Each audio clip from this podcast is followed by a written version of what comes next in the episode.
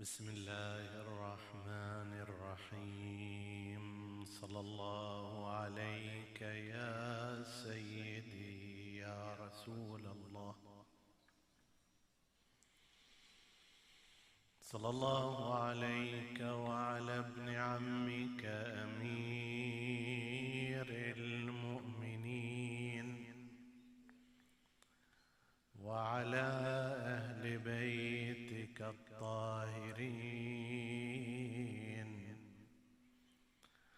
الله عليك يا سيدتي ويا مولاتي. يا فاطمة الزهراء يا سيدة نساء العالمين.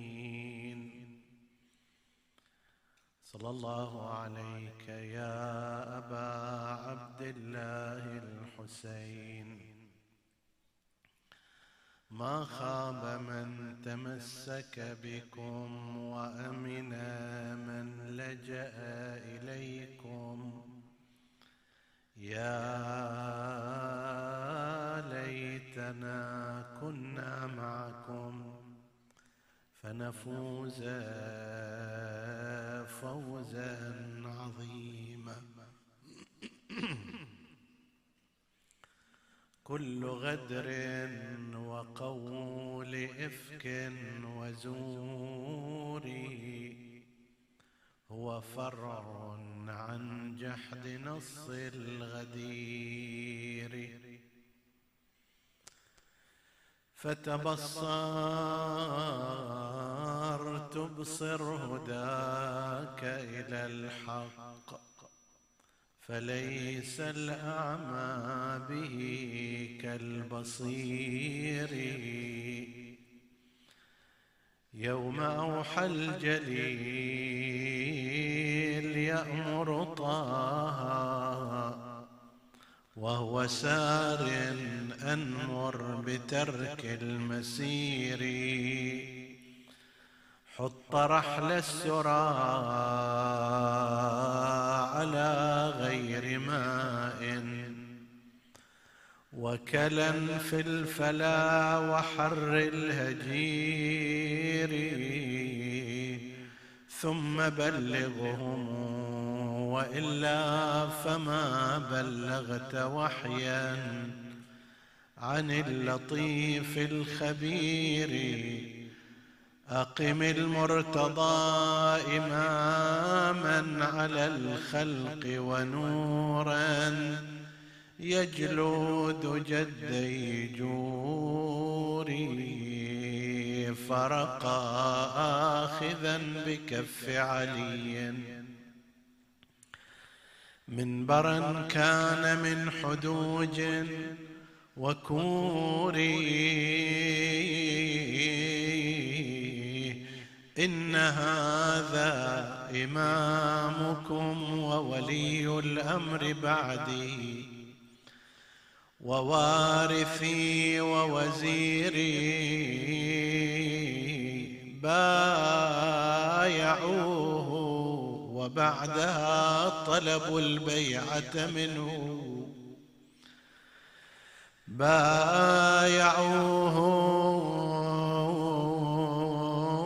وبعدها يا طلبوا البيعة منه. لله ريب الدهور لست تدري لم أحرق الباب بالنار. لست تدري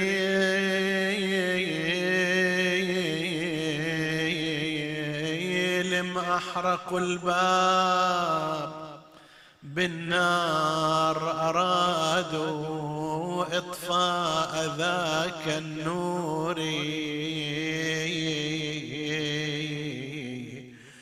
لست تدري ما صدر فاطم المسمار وما حال ضلعها المكسور ما سقوط الجنين.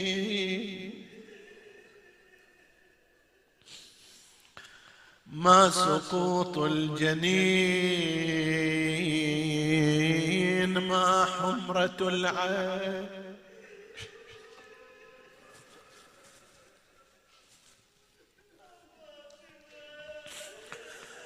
ما سقوط الجنين ما حمرة العين وما بال قرطها المنثور دخلوا الدار يا رسول الله. دخلوا الدار يا مرأة وهي حسرى بمرأة من علي ذاك الأبي الغيور واستداروا على أسد الله. فأضحى يقاد قود الأسير. كأني بالزهراء تخاطبه. وين؟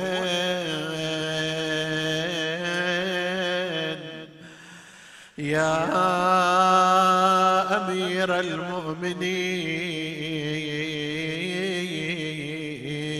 أين عزمك الشديد؟ أين لسانك؟ أين قوتك؟ لكن ماذا يصنع هذا الإمام المقيد بقيد رسول الله؟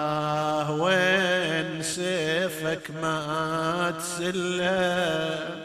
وين عزمك يا فحل؟ وين صلاتك على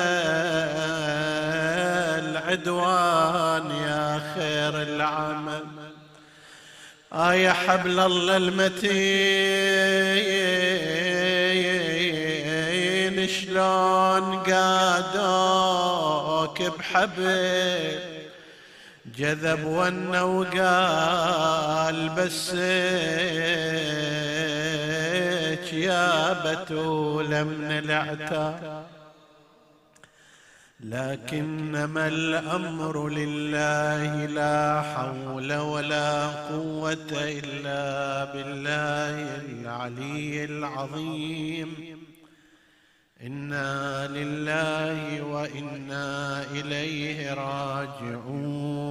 وسيعلم الذين ظلموا أي منقلب ينقلبون والعاقبة للمتقين. عطروا مجالسكم بذكر محمد وآل محمد.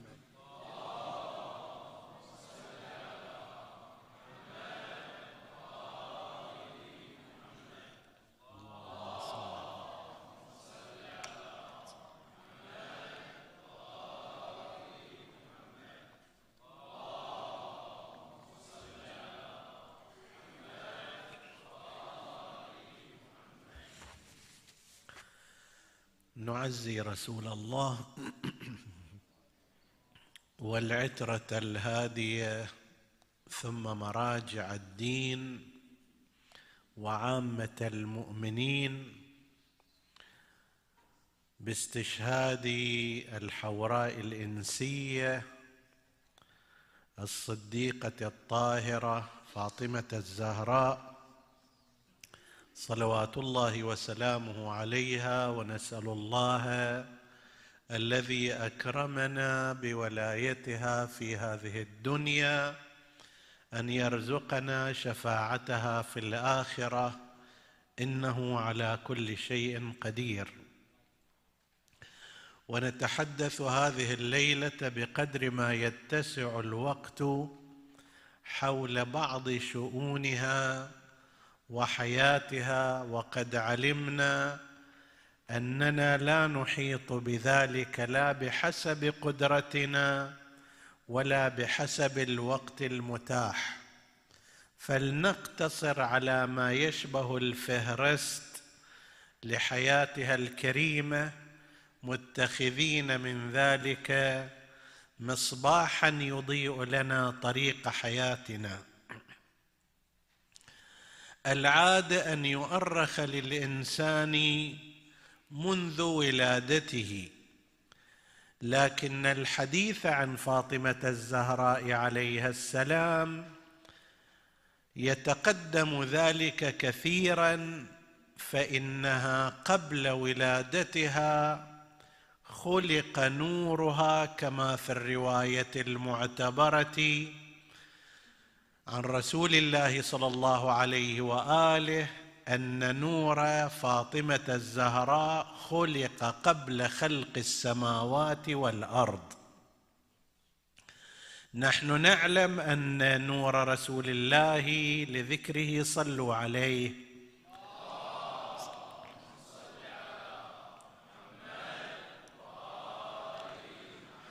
هو أول مخلوق في هذا الكون كما تدل عليك عليه روايات كثيرة.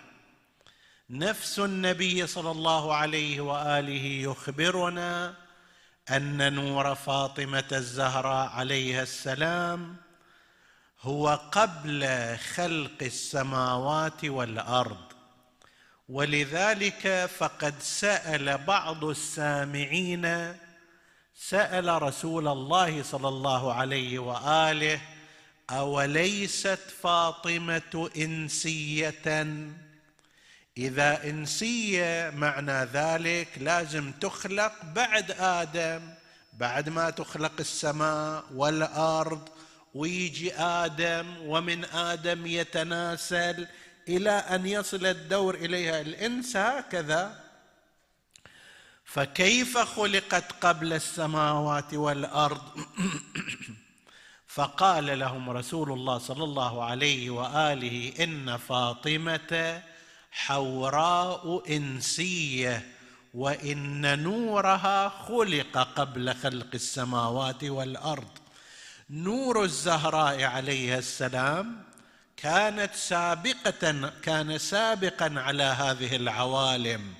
نعم بدنها خروجها إلى هذه الدنيا كان لابد أن يتم الانتظار إلى أن يقترن رسول الله بخديجة عليهما السلام ويخرج من ذلك الاقتران بدن الزهراء عليها السلام ووجودها الخارجي والتكويني وإلا وجودها النوري هذا سابق لجميع الخلائق وللسماوات والأرض.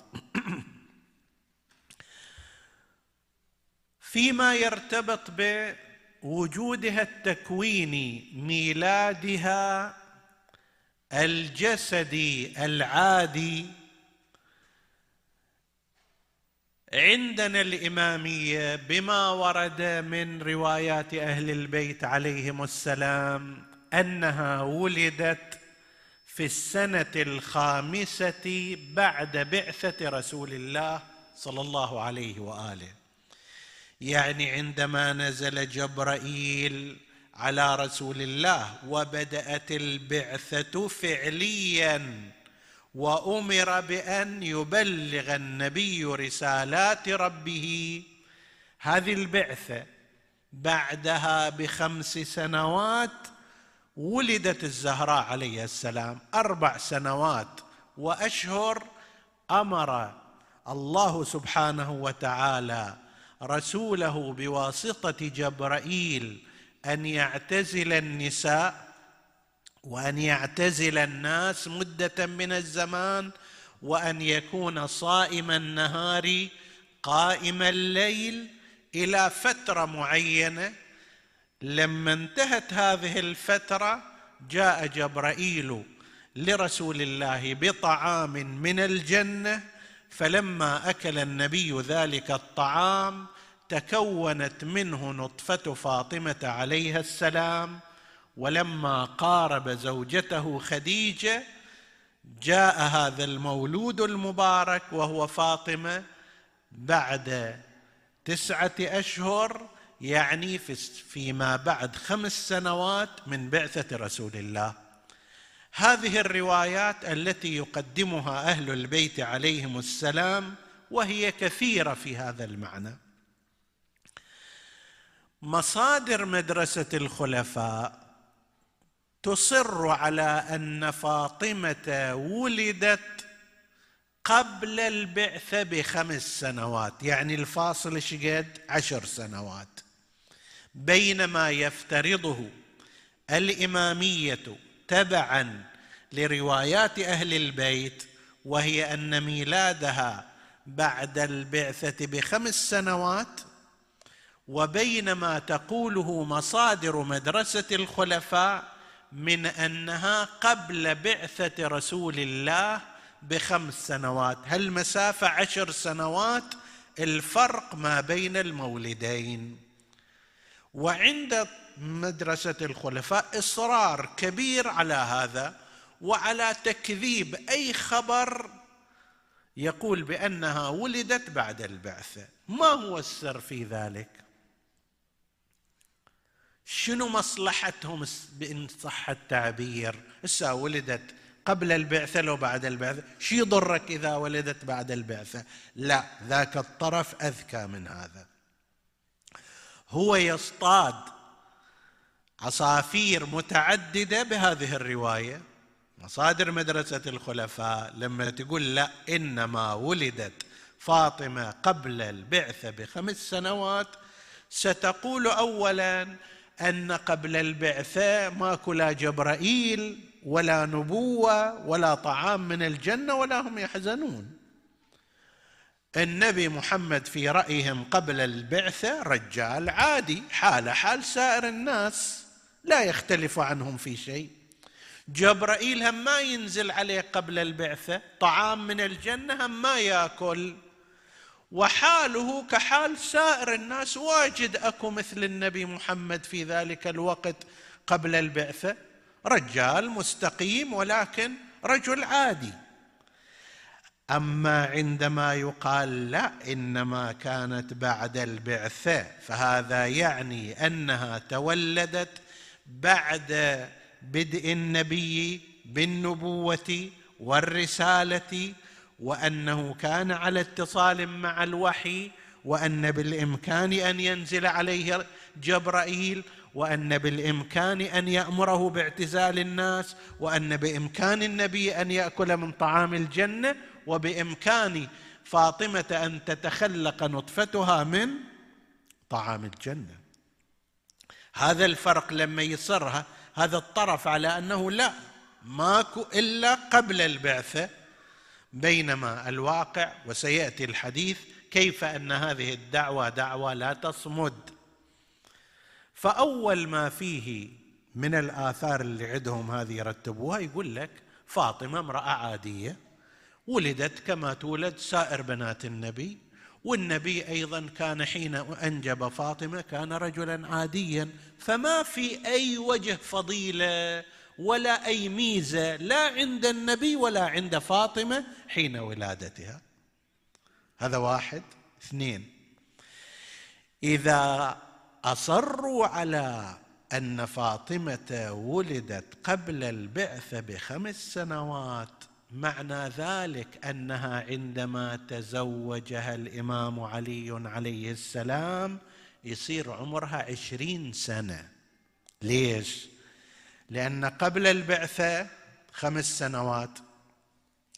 البعثة إلى الهجرة 13 سنة. هذه كم صار؟ 18 تزوجت في السنة الثانية للهجرة صار عمرها شقد 20 سنة تقريبا 19 إلى 20 سنة. عند العرب أن تبقى امرأة شابة فتاة في ذلك الزمان إلى سن العشرين وهي لم تتزوج. هذه امرأة بائرة. هذه غير مطلوبة. هذه معيوبة اللي باقيه إلى هالوقت العادة في ذلك التاريخ كانت تتزوج من بداية العاشرة و11 و12 وسيقولون فيما بعد أن فلان من النساء خطبها النبي وعمرها ست سنوات وظل يركض وراها إلى أن تزوجها وعمرها تسع سنوات. هل قد عزيزة وهل قد مرغوبة؟ بينما الزهراء عليه السلام لازم تنتظر عشرين سنة وما حد يعطس فيها حسب التعبير ولا أحد ينظر إليها ولا أحد يطلبها وبعدين هم ود عمها شافها أنه ما أحد اجى إليها تزوجها. هذا أيضا يراد القول عندما يقال إنها ولدت هالسن هذا قبل خمس سنوات من البعثة يعني تزوجت وعمرها عشرين سنة. هذا فيه معيبة لامرأة في ذلك الزمان عادي. في هذه الأزمنة عمرها عشرين سنة واثنين وعشرين وثلاثة وعشرين عادي. لكن بالنظر إلى تلك الأزمنة مو تلك الأزمنة السحيقة. اسألوا مثلا أجدادكم عن آبائهم. إيش قد كانت تتزوج النساء؟ 12 13 سنة. وإذا صارت 16 سنة وما متزوجة يستعجبون. ليش؟ شنو السالفة؟ لما أما إذا وصلت إلى 20 هذه مشكلة. في تلك الأزمنة القريبة يعني مع قبل مئة سنة ومئة وخمسين سنة فضلا عن زمان رسول الله.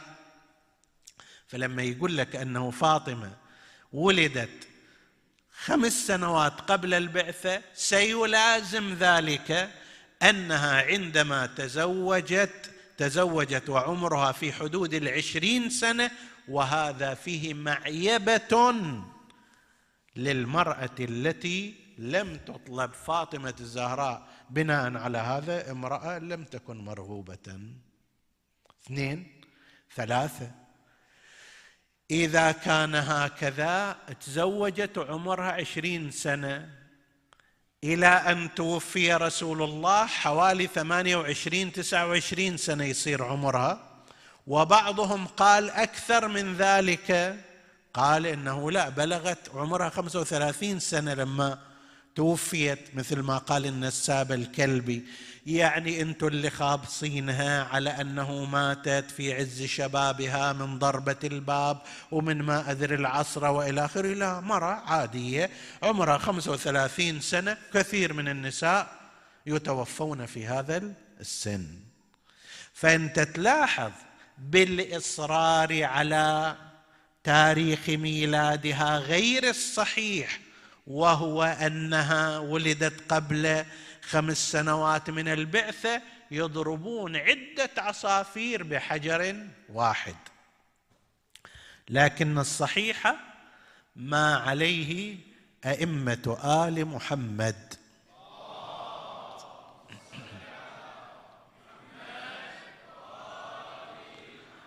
حتى أن أحد أبناء الإمام الحسن المجتبى عليه السلام في محضر. أحد الخلفاء الخليفة سأل هذا النساب الكلبي وقال له متى ولدت فاطمة؟ قال ولدت قبل البعثة بخمس سنوات.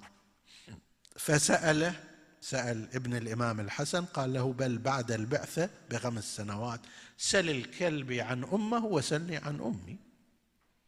إذا تريد الحقيقة أنا أعرف بأمي وجدتي متى ولدت وهو أعرف بأمه وجدته متى ولدت. هل إصرار عندهم لأجل هذا الغرض؟ هذا واحد. في فترة حملها أيضا كان لها من الخصائص والميزات اللي تنسجم مع سائر أمورها. لاحظوا أيها الأحباب أيتها الأخوات إحنا الأحاديث التي هي من طرف الإمامية تراها منسجمة يصدق بعضها بعضا.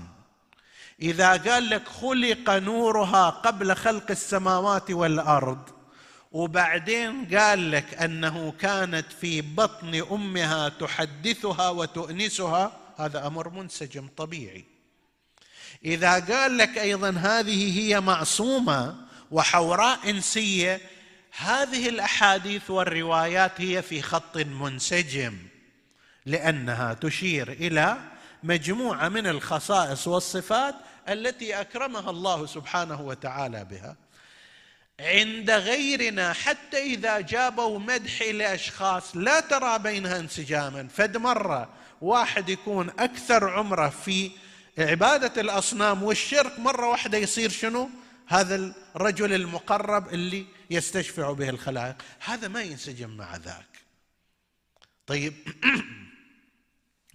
فكانت في بطن أمها تحدثها وتؤنسها. تدرون البطن بيئة غير مناسبة للكلام.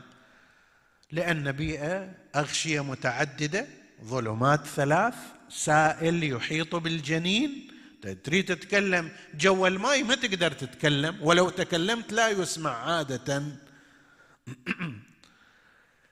هنا لا من ضمن الخصائص لأن نحن لا ندعي هذه الأمور أمور طبيعية. ندعي خلقة أنورها أمر غيبي. نقول إن تخلق بدنها ذاك النور يحتاج إلى خلقة بدن من طعام الجنة. طيب أمر غيبي. هذا الجنين يتحدث في داخل بطنها لأن الأمر طبيعي أمر غيبي. لا أحد يدعي أن الأمر طبيعي وإنما هي خصائص غيبية وإعداد لمن ستكون سيدة نساء العالمين من الأولين والآخرين ولمن ستكون أم الأئمة المعصومين جميعا. هذا أمر طبيعي.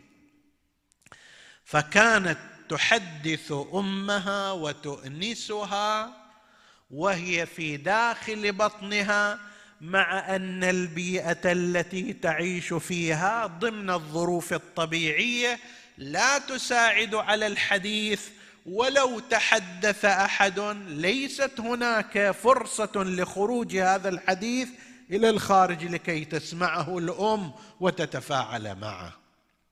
لكن هو هذا ضمن البرنامج الإلهي في إعداد. وهذا مو بس مو بس فاطمة نحن نعتقد رسول الله صلى الله عليه وآله في طليعة هؤلاء. أعد إعدادا خاصا من قبل الخلق.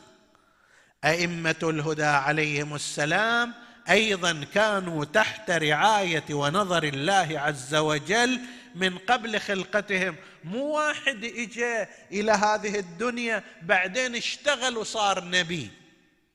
بعدين سجل في شركة وصار إمام. لا ليس الأمر هكذا. فهذه كانت فاطمة عليه السلام إلى أن ولدت من خديجة عليها السلام فضل نساء رسول الله سيدة نساء قومها.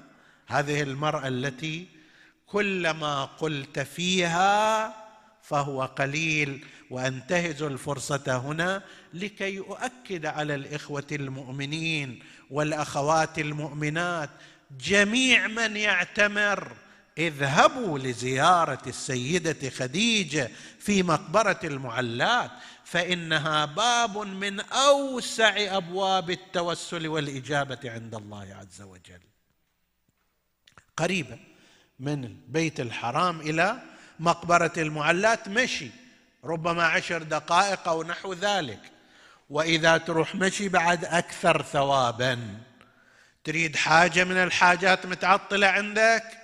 اقصد إلى ام الزهراء عليه السلام وزوجة النبي المصطفى صلوات الله وسلامه عليها التي لم يؤثر احدا مثل ما آثرها. تسع نساء غيرها اجوا ما حلوا كلهم مجتمعات ما حلوا مكانها وهي واحدة زوروا خديجة. لنزر خديجة. لنتوسل إلى خديجة. لنذكر خديجة لنتحدث عن خديجة لننشر عن خديجة. تعال فكر أحد طرق التوسل اللي تقدر تسويه؟ انشر كتابا عن السيدة خديجة صلوات الله عليها متقربا بذلك إلى زوجها رسول الله وقبل كل ذلك إلى الله عز وجل. فولدتها أمها خديجة سلام الله عليها.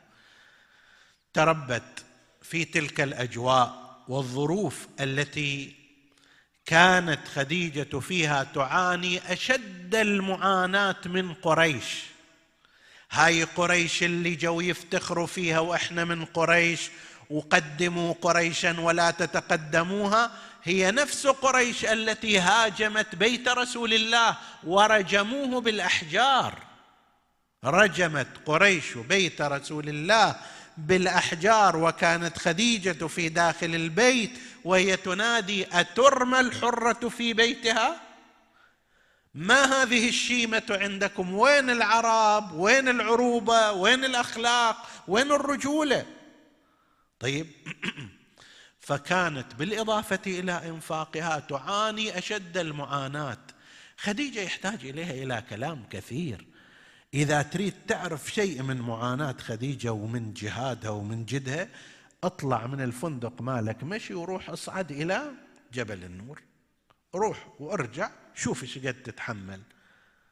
كم ساعة تحتاج من المشي وكم ساعة تحتاج من الصعود؟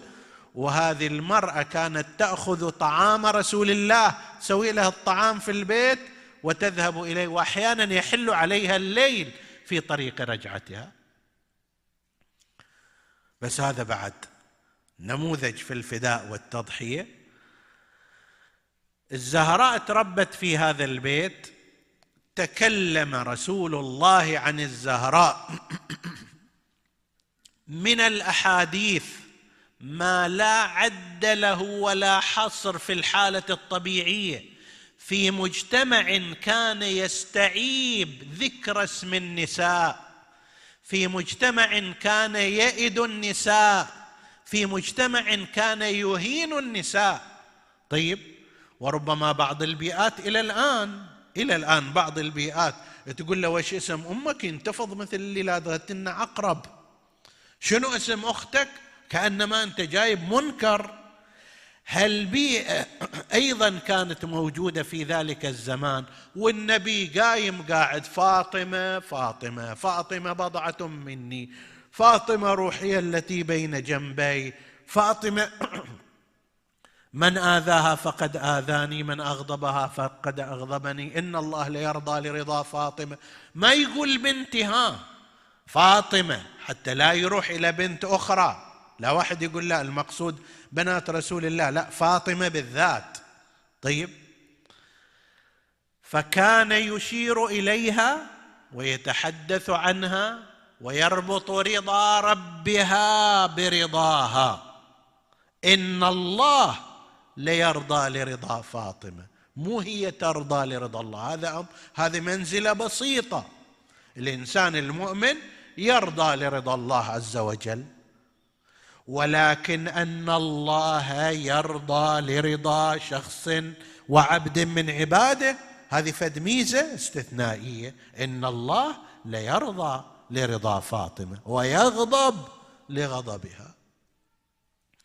فعاشت هذه الحياة دافعت عن أبيها. ينقل في روايات مصادر الخلفاء فضلا عن مصادرنا. أحدهم يقول رأيت رسول الله رأيت محمدا ويقول في ذلك الوقت لم يكن قد أسلم. وقد توجه إلى الكعبة يصلي. الصلاة فرضت في مكة. تحدثنا عن هذا في قصة تشريع العبادات. وما شرعت في المدينة لا في مكة شرعت على مراحل متعددة. الآن لسنا في صدد الحديث عنها. فكان يصلي رسول الله إلى الكعبة فأمر بعض عتاة قريش من الجالسين أحد عبيدهم أن يرمي القذى والأذى وسل البعير على ظهر رسول الله عندما يسجد ففعل ذلك فجاءت ابنته فاطمة. الرواية عندهم تقول وهي جويرية يعني فتاة صغيرة. زين نسيتوا إنكم قلتوا ولدت قبل البعثة بخمس سنوات؟ شلون صارت جويرية هنا؟ فتاة صغيرة. لكن الكذوب ما عنده حافظة. فجاءت فاطمة ابنته وهي جويرية فأخذت تزيل السلا والقذى عن ظهره وتحن عليه فقام رسول الله واحتضنها وبعد ذلك دعا على قريش ثلاثا. اللهم عليك بقريش اللهم عليك بقريش اللهم عليك بقريش. هذه اللي بعدين قلنا قريش قدموها وقريش خلوها الولي والإمام والأمير وإلى آخره. وصارت مقياس للحق والباطل. النبي يدعو عليها وعلي فيما بعد أيضا دعا على قريش. فاستمرت على هذه الحياة إلى حين الهجرة. هجرة النبي إلى المدينة. هاجر النبي وأمر عليا عليه السلام أن يأتي بالفواطم ورحل رسول الله صلى الله عليه وآله. فجاء علي وأخذ فاطمة الزهراء وأمه فاطمة وبعض النساء ممن كان يرتبط برسول الله وزوجته سودة بنت زمعة. كان ذاك الوقت عنده هذه المرأة فقط بعد وفاة السيدة خديجة. وبعد مسير صعب كان فيه القتال. عدة معارك خاضها أمير المؤمنين مع كفار قريش الذين حاولوا منعه من الخروج وانتصر عليهم وجاء إلى المدينة المنورة وسلم الرحل إلى رسول الله صلى الله عليه وآله ودخل معه إلى المدينة وسكنت فاطمة مع أبيها. علي كان مع أمه فاطمة بنت أسد في مكان آخر. بعد السنة الثانية يعني من السنة الأولى مرت للهجرة السنة الثانية كان زواج سيدة النساء من علي عليه السلام. وقصتها أيضا فيها منقبة لعلي ومنقبة لفاطمة. وهذا موجود راجعوا كتاب ابن حبان الذي ابن حبان البستي والمعجم للطبراني من مصادر مدرسة الخلفاء. وابن حبان يعتبرون كتابه يسمونه بالصحيح أيضا. يذكر هذه الحادثة. أما عندنا فشيء كثير. يقول أن في السنة الثانية لما بلغت فاطمة مبلغ النساء وصارت بحيث تخطب لأن عندنا في الشرع الإسلامي قبل إكمال التاسعة لا يجوز الدخول بالمرأة. قبل ما تكمل تسع سنوات ما يجوز الدخول بها. بعد ما تكمل تسع سنوات تدخل في العاشرة يجوز آنئذ الزواج منها ومقاربتها. هنا فاطمة في مميزات كثيرة اللي تخلي الناس يطلبونها اولا أنها ابنة رسول الله. فمن الطبيعي إذا بنت رسول الله تعرضت إلى تربية جيدة أخلاقها حسنة كذلك من يريد الدنيا والسمعه وما شاء هذه بنت رسول الله بعد بنت الزعيم إذا تزوجها واحد حتى لو كان يريد الدنيا بالتالي راح يصير له شخصية ومنزلة. فخطبها أناس من الصحابة ردهم رسول الله بأجمعهم وبعضهم ردهم ردا شديدا.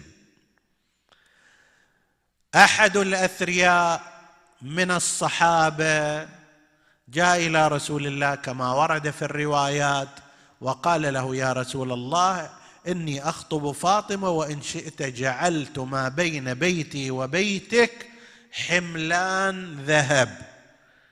يعني مو نجيبه في مثلا مبلغ هكذا لوين بيتي وبيتك النياق بيني وبيتك كل ناقة عليها حملان الذهب فغضب منه رسول الله. فقال لو أشرت إلى هذا الكثيب معنى الحديث لو أشرت إلى هذا الكثيب الكثيب لعاد ذهبا. يعني هل هالتله من الرمل لو اشر اليها وأطلب من الله عز وجل؟ ترجع ذهبا. شنو أنت جاي لنا؟ تتصور أن الذهب هو اللي له قيمة؟ البعض الآخر لا. قال لهم أنا أنتظر فيها أمر الله. الخليفة الأول جاء وقال لرسول الله هذا مذكور في صحيح ابن حبان وفي المعجم للطبراني وفي بعض المصادر الأخرى للقوم. فقال رسول الله يا رسول الله انت تعلم أني كذا وكذا وكذا يعني ذكر مميزاته وإني جئت خاطبا فاطمة. فقال له رسول الله إني أنتظر أمر الله فيها. فرجع إلى الخليفة الثاني قال له لقد هلكت. قال له ليش؟ قال لأني ذهبت إلى رسول الله خاطبا فاطمة وردني. قال أنا أروح. فذهب إليه ونفس الكلام قال أنتظر أمر الله فيها. قال هلم نذهب إلى علي. نقول له روح شوف شنو الموضوع. فجاء إلى علي وكان في ذلك الوقت في بستان يزرع فسيلا وقدماه قد استنقعتا في الطين. الإمام علي ذاك الوقت عمره حوالي 25 سنة. شاب عامل شاب مكافح ما يستسهل أن يطلب من هذا ومن ذاك. ويا رسول الله أنا ود عمك وتعال أعطيني مساعدة وإلى آخره. كان عنده أيضا أمة موجودة في المدينة فاطمة بنت أسد تحتاج إلى رعاية وإلى عناية وإلى نفقة والحياة تحتاج إلى إلى مواجهة هكذا. ولو هو علي بن أبي طالب ولو هو ذاك بس لازم يشتغل حتى يطلع إله نفقاته. قدماه قد استنقعتا في الطين وهو ولي الله الأعظم وقسيم الجنة والنار. طيب جاء إليه قال له ما ذكرت فاطمة؟ ليش ما تخطب فاطمة؟ قال أفعل. يقول فغسل رجليه من الطين وذهب إلى رسول الله وحده وجلس ساكتا مستحيا. فقال له رسول الله يا علي ما حاجتك؟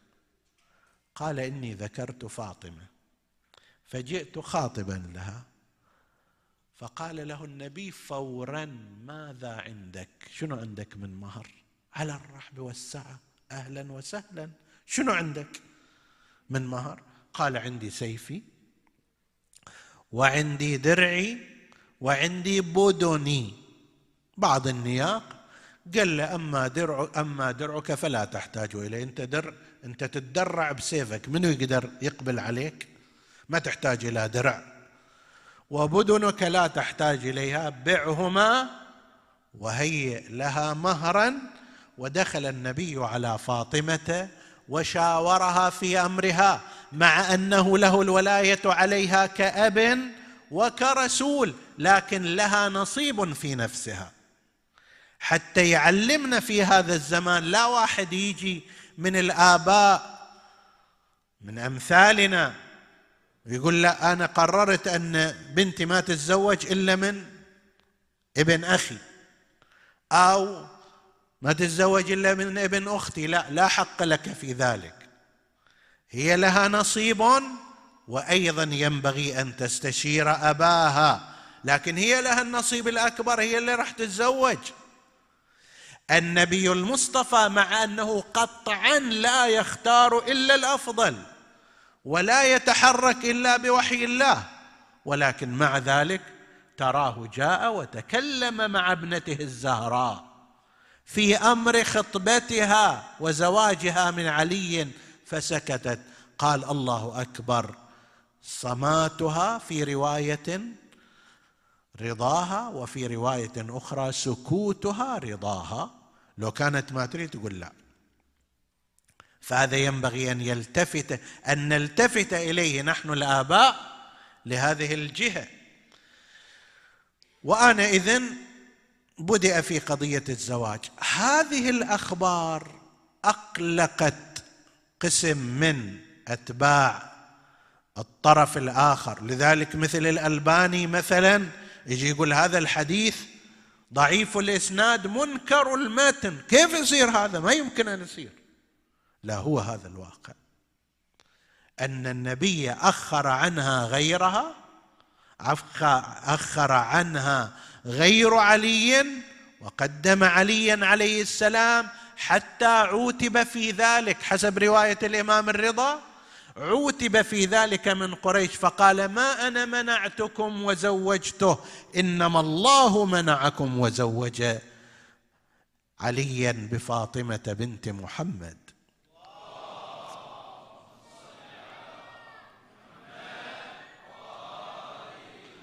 انتقلت فاطمة إلى بيت علي عليه السلام وعاش في ذلك البيت يلخص أمير المؤمنين طريقة حياتهم واللي هي خير قدوة. قال فوالله ما أكرهتها ولا أغضبتها. أول شيء بدأ بنفسه أنا ما أكرهها على شيء. لازم تسوين هذا. لازم تعملي هذا. قد لا يكون من حق الإنسان أن يجبر زوجته على كل شيء. فوالله ما أكرهتها وما أغضبتها ولا هي أغضبتني في أمر حتى قبضها الله إليه. شيء واحد ما أغضبتني فيه ولقد كنت أنظر إليها فتنكشف عني الهموم والغموم. نظرة واحدة أنظر إليها تفرج بها عن همي وغمي. لعلك تقول خو هذول معصومين هي معصومة وهو معصوم. صحيح. ما مطلوب هذه الدرجة. مطلوب درجة دون ذلك. مطلوب من المرأة أن تفرج هم زوجها. يأتي من الخارج وعنده مشاكل عنده إحباطات عنده ظروف سيئة عنده ديون كثيرة. خلي تكون بشكل تقول كلاما يفرج همه تظهر بمظهر يكشف غمه هذا تقدر تسويه المرأة لو لا. الرجل يقدر أن يتنازل عن بعض إراداته لكي لا يحصل الإكراه والكراهية لو لا. ليش لازم الرجل يقول لا ما عندنا في البيت أحد يمشي كلمة إلا كلمتي حتى لو غلط. زين يقدر الإنسان هالمقدار يسوي؟ ما نستطيع نوصل إلى مستواهم ولكن هذول قدوات لنا ينبغي أن نسير خلفهم. فبقيت في هذا البيت مع أمير المؤمنين عليه السلام طيلة تلك الحياة الصعبة. الشديده حقيقة لو الإنسان بس يقرأ ماذا كان في البيت من الأثاث. جلد كبش. جلد كبش ينامان ينامان عليه في الليل وفي النهار يبتذل لأمور البيت. زين؟ ما نقدر هذا نوصل اليه ولكن نقدر أن نصير قنوعين. نقدر أن ما نروح نحمل وراء ظهورنا ديون علشان أن غرفة النوم تكون كذا وكذا ونصورها ونخليها في سناب شات وفي الانستغرام بس حتى الناس يشوفونها. وذاك الرجل أو تلك المرأة يظل يفكر فيها الديون إلى سنوات من أجل صورة تصور. هذا نقدر أن نتركه؟ فعاش في ذلك البيت شهد فيه ولادات. الإمام الحسن المجتبى الإمام الحسين سنة وراء سنة ها؟ سنة وراء سنة. وهي تقوم بكل أعباء المنزل. الحسين زينب أم كلثوم وخامس ذلك المحسن والسقط الشهيد. هذا أيضا خامس الأولاد لأمير المؤمنين. عليه السلام ولفاطمة مو سقط هذا يعني هو وقع من كيف لا وإنما أسقط على أثر ذلك الهجوم الذي حصل على بيت فاطمة الزهراء صلوات الله وسلامه عليها. بالله حقيقة لما تقول صبت علي مصائب لو أنها صبت على الأيام صرنا لياليا هذا كلام واقعي مو مبالغة. امرأة توها والدها الذي هو رسول الله توها الآن فقدت والدها. الجرح بعد لما يندمل الرسول بعد لما يقبر. وهذا النبي المصطفى كتلة الحنان تفقده بدل ما الناس يجون يعزونها في رسول الله بدل ما يجون إلها ويعضدونها ويمسحون آلامها ودموعها وإذا بالجموع تهجم على باب الزهراء. يا عجبا يستأذن الأمين عليهم ويهجم الخؤون قال سليم قلت يا سلمان هل هجموا؟ ولم يك استئذان فقال وعصمة الراوي يقول جيت جيت أروح أقول لأمير المؤمنين اساله في المدينة يقولون هالحكي صحيح مو صحيح؟ أخاف يتأثر. خل أروح أسأل من سلمان. هذا عارف بأسرارهم. جاء إلي سأل صحيح ما يقوله الناس؟ فجلس ناحية سلمان ووضع رأسه بين ركبتيه. هل هجموا ولم يك استئذان فقال إي وعصمة الجبار. مو هجوم عادي وما على الزهراء. ما أدري أكو سادة في المجلس لو لا؟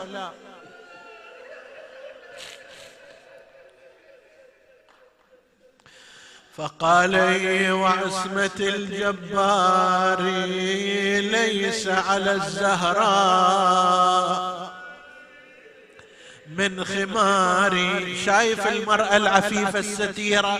إذا انفتح الباب فجأة وش تسوي؟ عادة تروح ورا الباب تختفي حتى لا يظهر منها شيء لا ينكشف سترها. لكنها لاذت وراء الماء رعاية للستر والحجاب فمذ رأوها عصروها عصرا. كادت بنفسي أن تموت حسرايا. تقول يا فضة سندي. فقد وربي أسقطوا جنيني وظلت على هذه الحال. يا ليت انتهى الأمر عند هذا. ألم آخر تشوف عليا عليه السلام؟ يقاد ملببا بحمائل سيفه. فخرجت خلفهم تعدو. خلوا ابن عمي أو لا أكشف بالدعاء رأسي. والله ما عن علي صائر وظلت هكذا في علتها خمسة وسبعين يوم. بناء على هالرواية خمسة وسبعين يوم أنا قلت فد حكاية في مكان أقولها مرة ثانية. سألت واحد ممن عمل عملية فتح صدر ها؟ اللي يحتاج أن يقص الأضلاع هنا.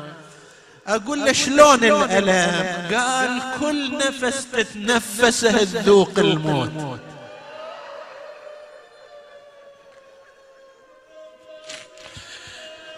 هذا مع البنج ومع مهدئات الألم ومع مسكنات الألم وكل نفس تتنفسه موت.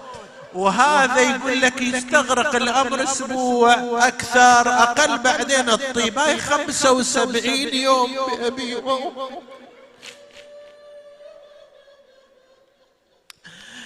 لم تزل بعد أبيها ناحلة الجسم منهدة الروك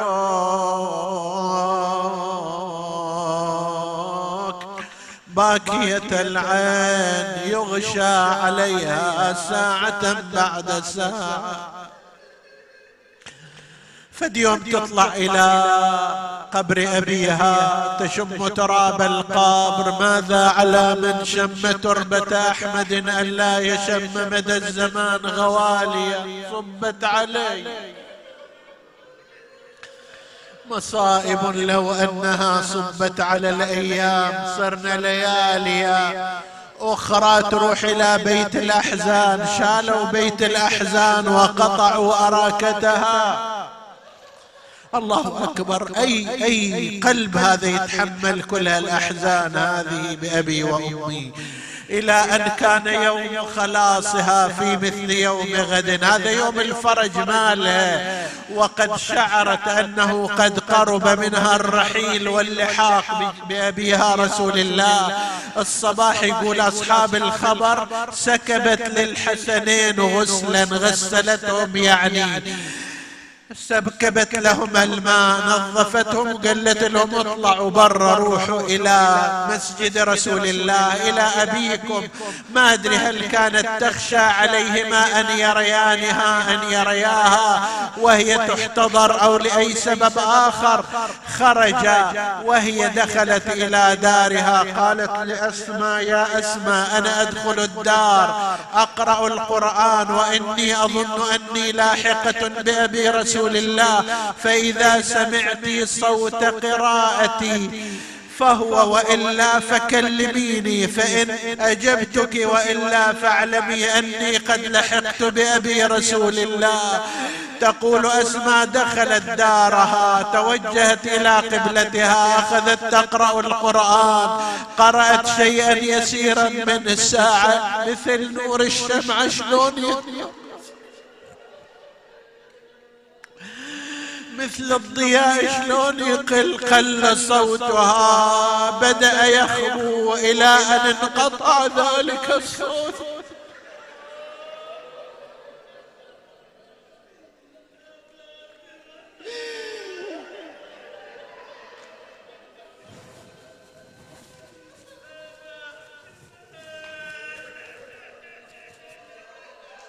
تقول أسماء ناديتها يا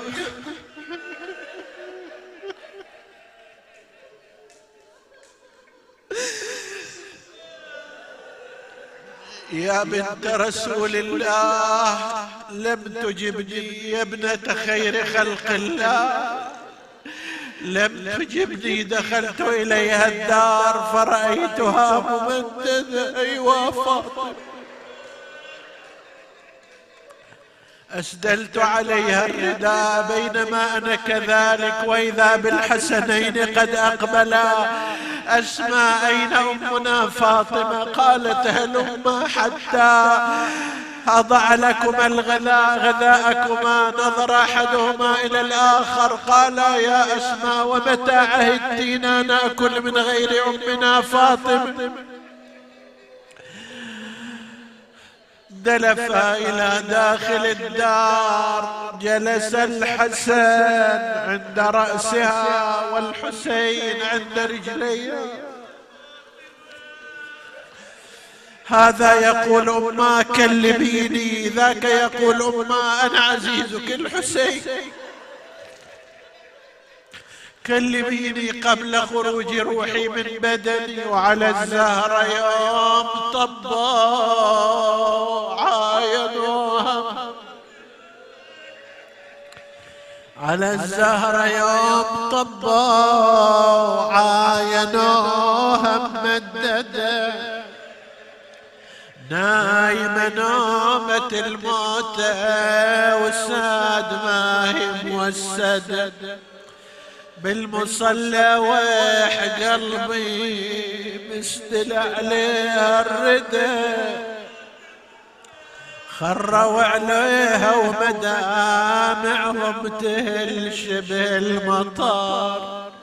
بنت من أم من حليلة من.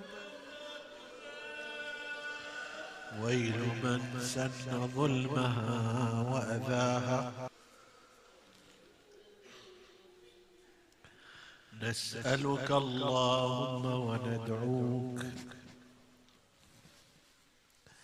بفاطمة وأبيها وبعلها وبنيها والسر المستودع فيها صل عليها وعليهم واقض حوائجنا للدنيا والآخرة اغفر لنا ذنوبنا كفر عنا سيئاتنا آمنا في أوطاننا. لا تسلط علينا من لا يخافك ولا يرحمنا. ولا تفرق بيننا وبين محمد وآله طرفة عين. احفظ اللهم إخواني السامعين فردا فردا واقض حوائجهم. اشف اللهم مرضاهم لا سيما المرضى المنظورين ومن أوصانا بالدعاء. وتقبل اللهم عمل المؤسسين بأحسن القبول إلى أرواح موتاهم. وموت السامعين نهدي ثواب الفاتحة. تسبقها الصلوات.